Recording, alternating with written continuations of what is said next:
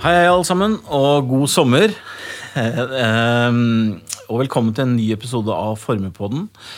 I, I dag skal vi snakke om den eh, pågående handelskrigen som er mellom USA og Kina, og som kanskje ikke har rystet markedene, eh, men i hvert fall fått veldig mye oppmerksomhet i, i media. Og vi ser jo også at det er eh, store bevegelser i aks- aksjemarkedet og ikke minst rentemarkedet. Og vi ser også at volatiliteten og usikkerheten rundt investorene har økt den seneste tiden.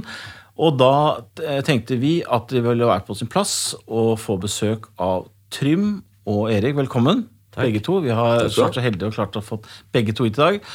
Eh, Og tanken med dagens episode er nettopp å snakke litt om de tingene som har skjedd den seneste tiden, og, og ikke minst få tankene deres i forhold til hva, hvilken grep man, dere eventuelt har gjort, om noen, og få tankene rundt hvordan vi ser dette fremover. Og da eh, går jeg, Episoden kommer til å bli litt grann todelt, men eh, det vil si at vi kommer til å snakke litt om handelskrigen i begynnelsen med, med Trym, og så Eh, andre halvdel blir mer med Erik, men eh, for at ikke Erik skal sitte og kjede seg Jeg vet han er, eh, det er full energi her, så, så vi må spille eh, han inn litt i ny og ne her. Det skal vi klare veldig fint. Uh, og jeg tror at dette her kommer til å bli en, eh, en veldig bra episode i forhold til at eh, å få beroliget uh, den usikkerheten som preger investoren om dagen. Men for å gå litt tilbake i tid, uh, så var det jo sånn at vi hadde en veldig veldig urolig fjerde kvartal, og mye av den oppgangen som kom i første kvartal, var jo preget av at Trump hele tiden snakket om at en handelskrig var på vei, og at vi hadde litt endringer i pengepolitikken i forhold til renter. Eh, og 5. mai kom jo da den eh, overraskelsen at Trump sier at Kina har trukket seg tilbake på viktige punkter de var enige om, og ville øke toll- tollsatsene. Eh, og det var jo selvfølgelig en stor overraskelse for markedet. Og det nå, eh, effekten av dette er jo usikkerhet i markedet. Vi ser ned- nedjustering av den globale veksten og store endringer i rentemarkedet. Så da, mm, Trym, tenkte at vi skulle begynne med et ganske enkelt spørsmål i forhold til um, hva Trump sa. Han sa nemlig dere, ha, dere hadde en god avtale, nesten fullført, og så trakk dere. Um, og noen vil jo si at dette var the beginning of the end, starten på slutten. Eller hvor alvorlig tror du dette her er, Trym? Det jeg tror uh, lytterne må være klar over, det er at eh, det er som om markedet lever uh, ulike liv. Og på den ene siden så har du det som dekker eh, forsidene i avisene til daglig. Eh, det som er på TV-nyhetene, der hvor eh, ting blåses opp og gjøres veldig viktig der og da. Så går det en uke eller en måned, og så har man glemt det. ikke sant? Altså, Morgendagens nyheter er det ingen som prater om lenger. Og det som skjedde for en måned siden, eh, det som var forsiden på avisen for en måned siden, er det ingen som eh, husker lenger. Så når Trump kommer med en sånn Twitter-melding, eh, så blåste opp. opp. Og det er fordi at sånne Twitter-meldinger fra Trump, eh, lederen for verdens mektigste nasjon osv., det er egnet til å selge aviser, ikke sant? Men det gjør jo lytteren og mange investorer eh, usikre. Eh, og dermed så Hvis det kommer noe positivt ut av en sånn Twitter-melding, så blir man optimistisk. Og hvis det kommer noe negativt ut av en sånn Twitter-melding, så blir man veldig pessimistisk. Og så skifter det emosjonelle, altså sentimentet blant investorene, går veldig mye opp og ned da, ikke sant? Og dette sentimentet her, eh, det at man går fra et ytterpunkt hvor man er veldig optimistisk til å bli veldig pessimistisk, det er som om det er løsrevet helt fra øh, virkeligheten. Altså omsetningen til foretakene, øh, lønnsomheten i foretakene. Det følger helt andre sykluser. ikke sant? Mens det emosjonelle, psykologien, går veldig opp og ned. Og nå hadde du her For noen uker siden så hadde du jo Trump øh, med denne Twitter-meldingen som det har blitt veldig mye fokus på. Og da ble alle eh, pessimister igjen. ikke sant? Men det vi eh, eh, har sagt lenge, eh, og det som har vært poenget lenge, er at eh, vi har stått overfor et eh, skift i konjunkturene. Vi har stått overfor et skift i eh, økonomien, hvor vi går fra en periode med veldig god vekst til litt mindre god vekst. ikke sant? Det har vi snakket om eh, lenge nå, i halvannet år eller noe sånt. Og når det gjelder dette med handel, det som er det ironiske i det, er jo at eh, veksten, veksten i verdenshandelen toppet ut allerede for ett og et halvt år siden. Altså ved inngangen til eh, 2018. Så det ligger jo langt, langt bak oss. ikke sant? Men alle snakker jo om det nå, som om det er noe som kommer til å skje. Men det har allerede skjedd. ikke sant? Så skrev jeg en, en artikkel i Dagens Næringsliv her for, for kort tid siden. Det legges kanskje ut en lenke til den artikkelen i forbindelse med denne poden. Hvor jeg påpekte det faktum at globaliseringen, som verdenshandel er en del av, globaliseringen toppet ut allerede for et tiår siden. Mm. Altså under Obama, eh, under og i kjølvannet av eh, finanskrisen. Så når det gjelder ting som har med handel eh, å gjøre, så har det skjedd veldig mange interessante ting som ligger langt bak oss mm. i tid. Globaliseringen toppet ut for et tiår siden. Toppen, Veksttoppen i verdenshandelen toppet ut for halvannet år siden. Men så blåses disse Twitter-meldingene mm. fra Trump opp og gjøres til noe som kanskje er større enn det uh, burde være. Uh, fordi man kanskje begynner å se mm. det som ledende uh, indekser for konjunkturutvikling har fortalt oss i mange kvartaler og et par år allerede. Og, og, vi har jo sett eksempler på det før, spesielt hvis jeg skal gi noen relevante eksempler i forhold til 2008, hvor finanskrisen var. da husker Jeg jeg studerte jo selv i Arizona mange år før det. Men jeg bare besøkte Scottsdale eh, i um, året før. Ett år før det smalt. da. Og det var jo helt klinkende klare signaler om at her var det noe klin gærent med boligmarkedet. Men det, er, det, måtte liksom en sånn Lehman Brothers liksom, Det må hennes til for liksom det virkelig slår til. da. Eh, kanskje det er det vi egentlig er vitne til her nå. Liksom den, eh, det Trump gjør at ble, de dro markedet litt for langt. og så, Mens det underliggende er egentlig at det er en, en nedkjøling som markedet tar inn over seg nå. Ja, altså det, det, som kan være eh, det viktige med denne Twitter-meldingen fra Trump, som alle prater om, eh, kan være det at det får folk til å få øynene opp for noe som har vært eh, eh i kjømda eh, lenge. Mm. Ja, så, så, så, det du sier, Trond, er, er vel det at denne tvitringen og handels, handelskrigen som vi er vitne til den kan jo potensielt heller Én ting er at, den, at man får fokus på noe, men den kan jo kanskje eskalere eller forsterke effekten av det vi allerede har sett. Ja, så jeg tror den, den riktige effekten av uh, denne Twitter-meldingen fra Trump, som, uh, som, er, uh, som, alle snakker om, er at den kan få folks øyne opp for at globaliseringstoppen ligger langt bak oss, mm. og at verdenshandelen er under nedkjøling. Mm. I tillegg så tror jeg det at utspillene fra Trump, hvis det representerer en endring i USAs handelspolitikk, da, så, så, så, kan det også tenkes å forsterke trender som allerede er der. Mm. Det vil ikke starte noen nye trender, men det vil forsterke trender som allerede mm. er der. Da. Nemlig. Men um, har du noen kommentarer til dette, Erik? Det vi snakket om Ja, altså, det, det, det, er vel helt åpenbart at eh, det Trym sier der, det er jo egentlig at det, det, er en slags overraskelseselement i det her. Folk får øynene opp for hva som egentlig skjer gjennom den type signaleffekter fra Trump. Mm. Og så Samtidig så kobler man det på ting som man ser i markedet. Manglende inflasjon og, og fallende indikatorer, manglende lunsj altså lønnspress. altså Ting som egentlig mm. i sum bekrefter hele historien, mm. som man plutselig blitt oppmerksom på. Og i mange tilfeller det skal vi snakke litt om senere, men i mange tilfeller er dette her lagging altså det, det er jo ikke ledende ikke de, Dette har jo kanskje skjedd tre til seks måneder tilbake i tid, men som kommer nå. Eh, og det der er litt viktig eh, poeng, fordi at eh, oppslag i, i nyhetene ting som folk snakker om, er ofte litt sånn lagging, som vi kaller det på finansspråket. Ja. Altså det, det, er ting som ligger bak oss i tid. Det er ikke egnet til å si noe om fremtiden, ikke sant? Nemlig. Men det forklarer mer det som var. Mm. Og hvis man bruker informasjon om det som var, for å ja. uh, gjøre ting i markedet, så mm. vil det ofte gå veldig gærent. ikke mm. sant? For at markedet, aksjemarkedet, rentemarkedet, er fremoverskuende. Mm. Og er veldig flinke til å se fremover og, og, og legge uh, historien uh, bak seg. ikke sant? Mm.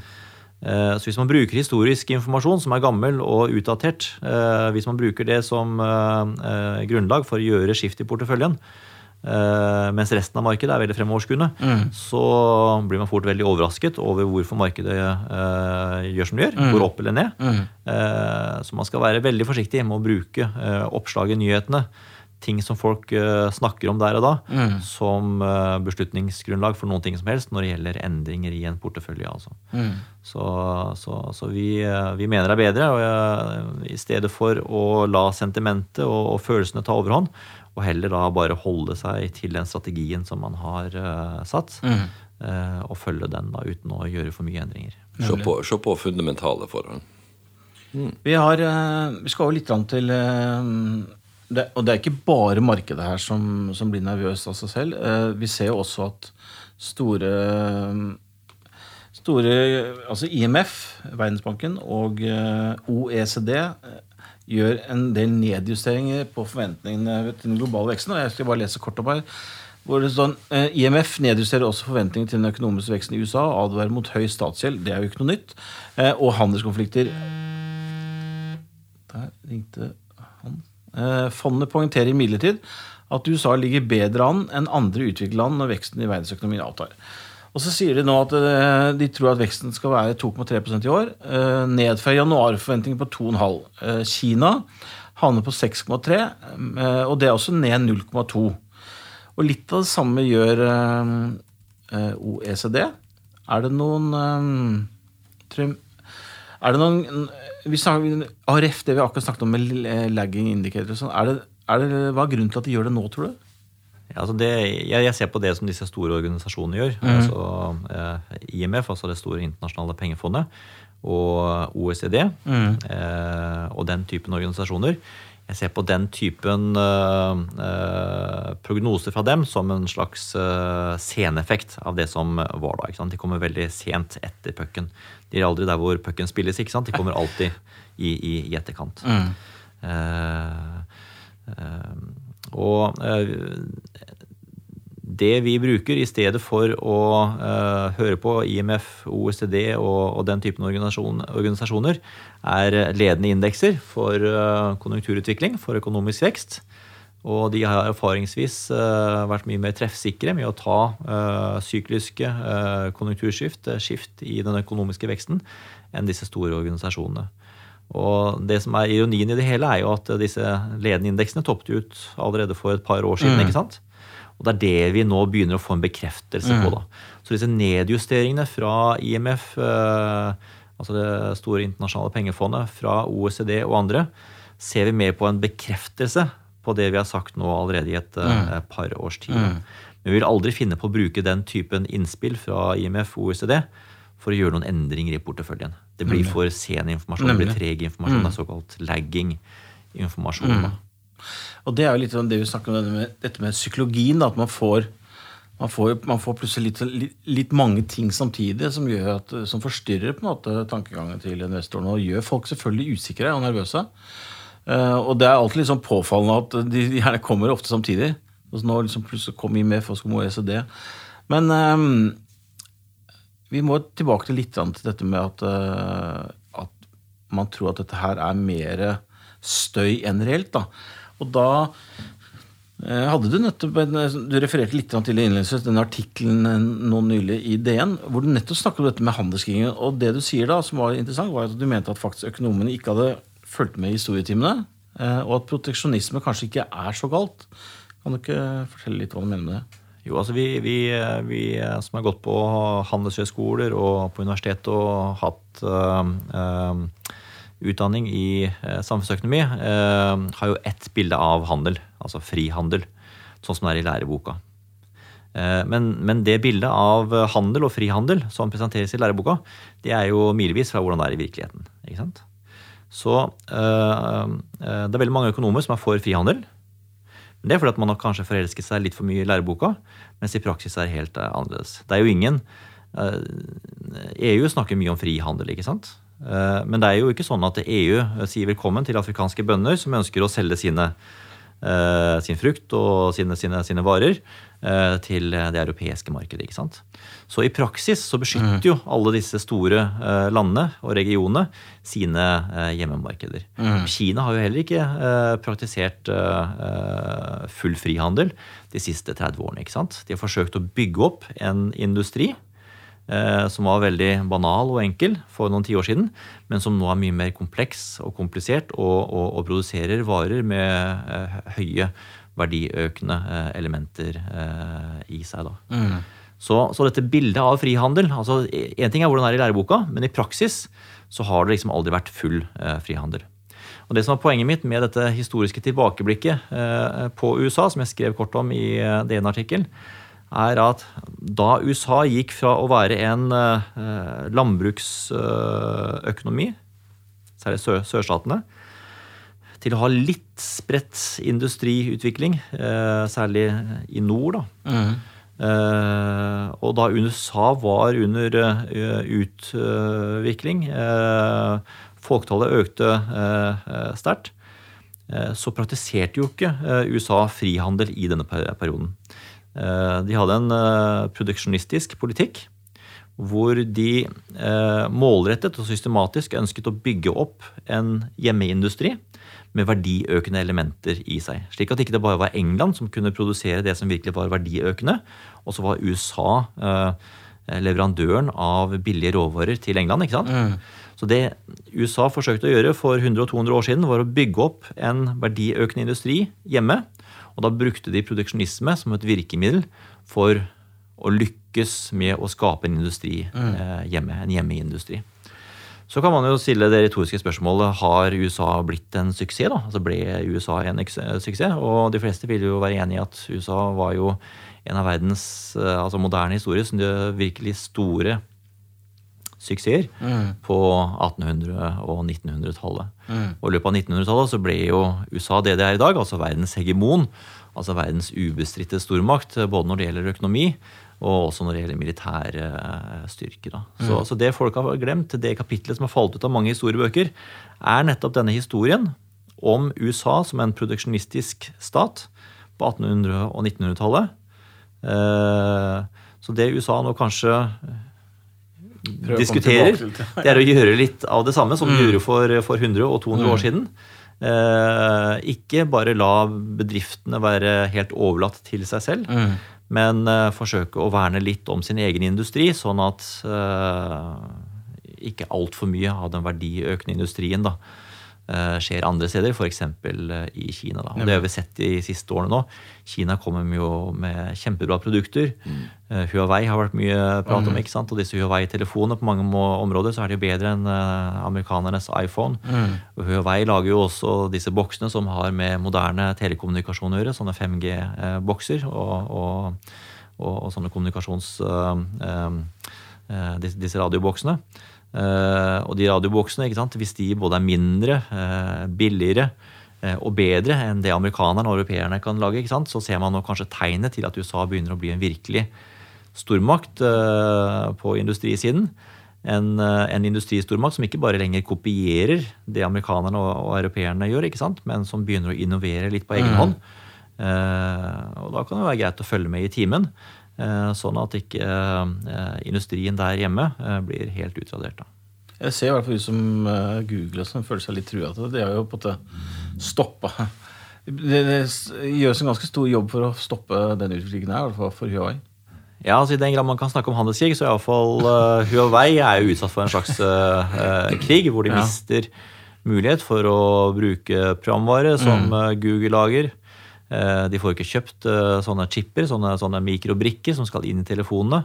Så eh, Huawei er jo i ferd med å miste mye av det som skal gå inn i de produktene de skal mm. selge.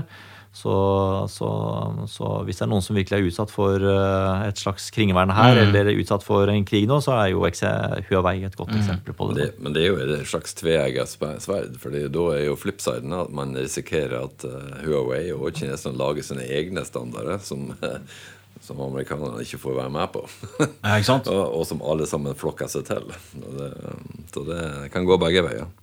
Du, Da skal vi snart mm. slippe til deg litt mer, men um, før vi avslutter, mm. Trym, så har jeg lyst til å, uh, å stille deg et spørsmål rundt dette med uh, Jeg vet jo at uh, du snakker om dette med å følge strategien, holde seg ro, ikke la seg påvirke for mye av støy. Og da har jeg lyst til å spørre om du Sist gang vi snakket om det, så hadde du en vekting på 45 i aksjer og 55 i, i renter og obligasjoner.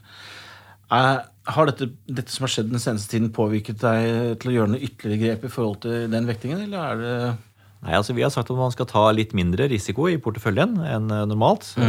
og Det har vi sagt siden februar i 2018. Og underveis så har vi ikke endret noen ting som helst på den anbefalingen.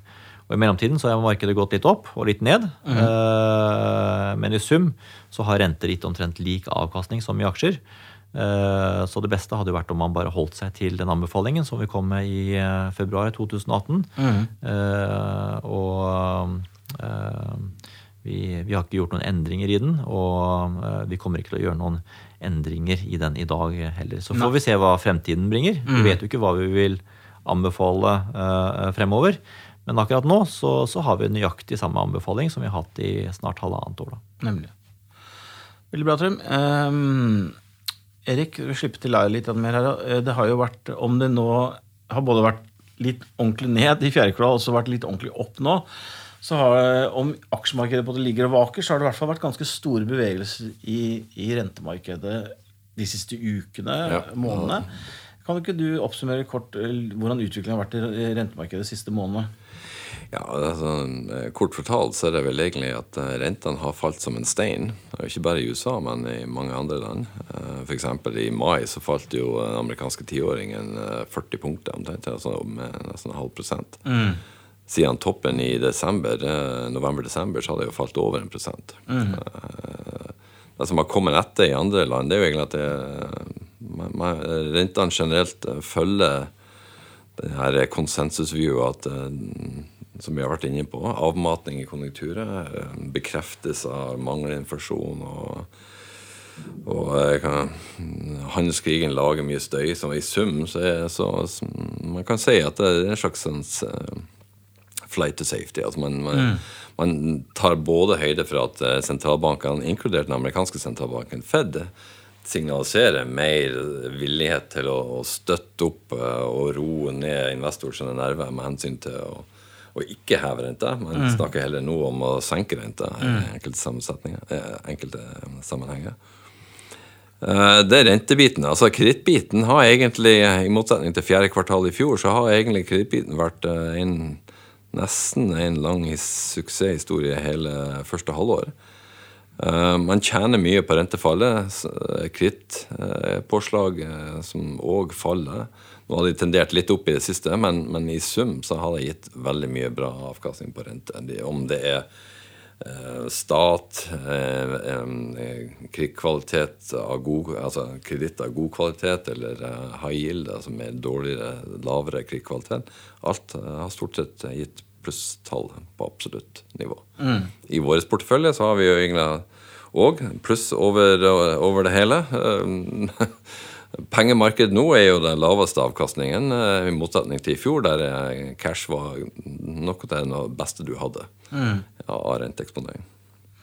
Eh, vi, vi, snakket jo litt om med, med Trym også, med, med, såkalt lagging indicators. Altså liksom at du, eh, vi har fått ganske signaler ganske lenge om at uh, vi, er, vi, er, i en nedkjøringsfase. Hva tror du grunnen til at uh, sentralbanksjefen i USA, James Powell, var så veldig klar i september-oktober på at renta skulle opp, og så bare på noen få måneder har den jo snudd trill rundt? Ja, vi, vi, har vært innom det her litt før. Ja. Er, det, er, det, en Trump-push, eller er det noe mer fundamentalt?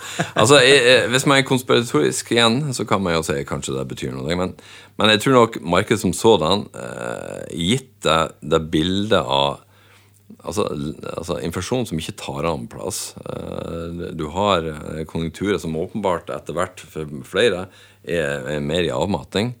I tillegg til at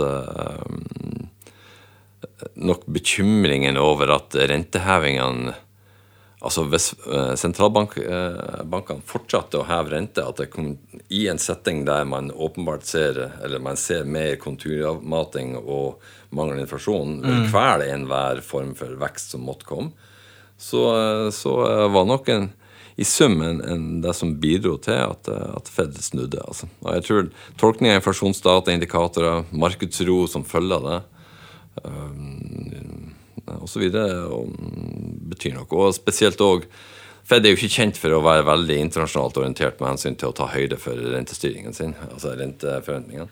Men det at eh, eurosonen eh, er såpass svak, eh, har hatt en såpass svak økonomisk utvikling og manglende pressvekst, altså vekst og, og inflasjonspress, mm. det bidrar nok sannsynligvis i sum at man snur. Og det, og det, gir da tilbake til sentiment en enda selvforsterkende effekt. At ok, nå, nå har vi fedd med på laget, og mm. nå, uh, nå, kan vi Der roer jeg uh, nok nervene en stund. Mm. Og det er det vi har sett de første halvårene nok mye tendenser til.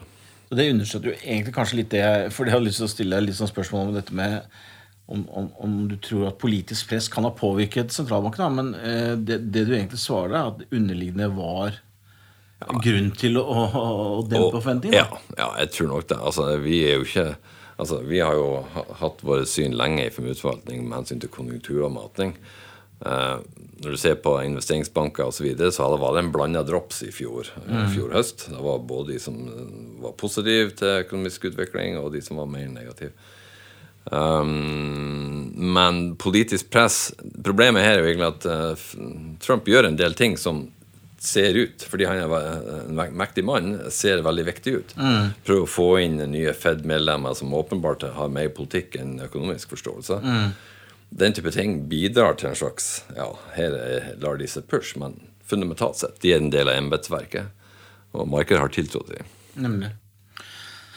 Uh, har det uh, vært noen har du gjort noen endringer eh, i syn eller portefølje siden eh, vi var her sist? Eller all den støyen, har det påvirket deg noe i porteføljen? Nei, nei, vi har ikke gjort noen spesielle endringer i, eh, på noen av renteløsningene. Der vi nok lå Og der har vi vært kan si, strukturelt posisjonert for at rentene skal opp. Så i hele fjor høst så var jo egentlig ting veldig mye den veien det gikk den veien. og uh, det var det som gjorde at porteføljeavkastningen nok holdt seg sånn relativt uh, bra på tross av uro. Uh, nå ser du at rentene har kommet ned. Der tjener man absolutt på. Så man taper relativt i indeks, men der har kredittelementet i vår portefølje bidratt til at avkastningen i sum er faktisk ganske bra. Altså, vi har ikke, altså vi, når markedet går begge en eller andre vei, så, og det er jo det som er filosofien hos oss, i hvert fall, det er at vi har porteføljer som skal tåle begge veier. Mm. Vi tar ikke svære strategiske bets. Vi, våre forvaltere skal være eksperter på å, å ta den aktive forvaltningsposisjoneringen sin. Mm. Av og til går det bra, av og til går det dårlig, men i sum så, så ligger vi komfortabelt. Det vi har sett uh, siste året, som uh, er greit å ha i bakhodet, er at uh, ok, rentene er lave. Mm. Så mange lurer på hvorfor i all verden skal du ha renter i porteføljen. Hvorfor skal mm. du ha obligasjoner i porteføljen når, når, avkastningen er så lav? Men det vi så i fjerde kvartal i fjor, da børsene falt mye, og det du også så nå i mai, da, da børsene falt en del, er jo at når børsen faller, når, når aksjedelen av porteføljen faller en del, så får du en buffer du får en eh, beskyttelse gjennom renter. renter. Så renter er viktig å ha i porteføljen som en slags beskyttelse mot nedturer i aksjemarkedet. Og så er det også viktig for at eh, porteføljen ikke får for høy risiko. Mm. Sånn at du blir for sentimentstyrt, for følelsesmessig engasjert når det er store oppturer og, store nedturer. Så renter er en veldig viktig del av porteføljen. Ja, ja. Selv om renten er lav, så er det en viktig buffer når det peker ned i aksjemarkedet. Ja. Og det er også veldig viktig for å passe på at eh, den overordnede risikoen i porteføljen din ikke blir for stor, mm. men akkurat eh, passe i forhold til den erfaringen og, og de forutsetningene som du har ellers. Da. Jeg kan ikke si det bedre. Det har vi snakket, snakket om, Erik, dette med motoren. Ja. Liksom, motoren i porteføljen er jo på en måte eh, det vi har sagt. Men du, jeg, jeg hadde litt sånn tullespørsmål i forhold til dette med um, om det er noen nivåer eller endringer som gjør deg ekstra nervøs. En eller annen slags nødutgang eller nødknapp, Erik. Er det, no, er det, er det er det et ord i din bransje det hele? Nei, nei, altså det, det, det, er vel egentlig ikke det. Altså, poenget her er jo egentlig Og det er igjen hele biten med diversifiseringstenkningen.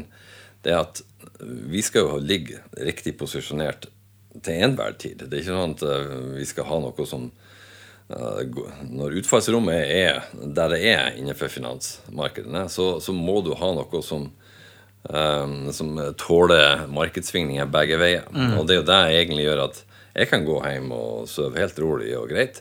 Um, og i hvert fall nå når vi egentlig løsningene er relativt balansert i forhold til det som skjer. Sjøl når rentene detter og vi ligger marginal, eller noe kortere benchmark, så veier opp mange komponenter, sånn at totalavkastningen egentlig blir ganske grei. Mm. Det som er veldig stilig her, hvis man virkelig skal tenke litt sånn uh, fremoverlent, det er jo egentlig at hvis man ligger nøy, noenlunde nøytralt, hva skjer når ting altså, går virkelig dårlig? Altså mm. prisingen i markedet Kredittpåslag uh, utvider seg veldig mye, sånn at det blir billigere og billigere å kjøpe. Mm. Det er jo heller å kjøpe når det veldig, ting går dårlig. Og det er det vi ser våre forvaltere gjør. De går inn sånn som i desember. For de, mest, de som er best nå, er gjorde det, det stikk motsatte det alle gjorde når ting går sør. Og det er så det er jo mer et spill å ligge og vente på når, mm. til det går virkelig dårlig, og så skifte inn i det som uh, Hvis man fundamentalt tror at det her er en, en uh, billig mm. ja, Men vi har ikke så store endringsmuligheter i våre løsninger her. Vi kan skifte tweak her og der. Ja. For, og det, ideen her er jo at våre løsninger skal være aktive. Vi skal kunne gi meravkastning i forhold til markedet mm. og i, over lang sikt, på lang sikt. Og det er det som styrer. Så det å ta korte ting, eh, korte posisjoner, taktiske avvik, det, det prøver vi å begrense egentlig eh, til vi eh, har rimelig sterk tro på det som skjer. Veldig bra.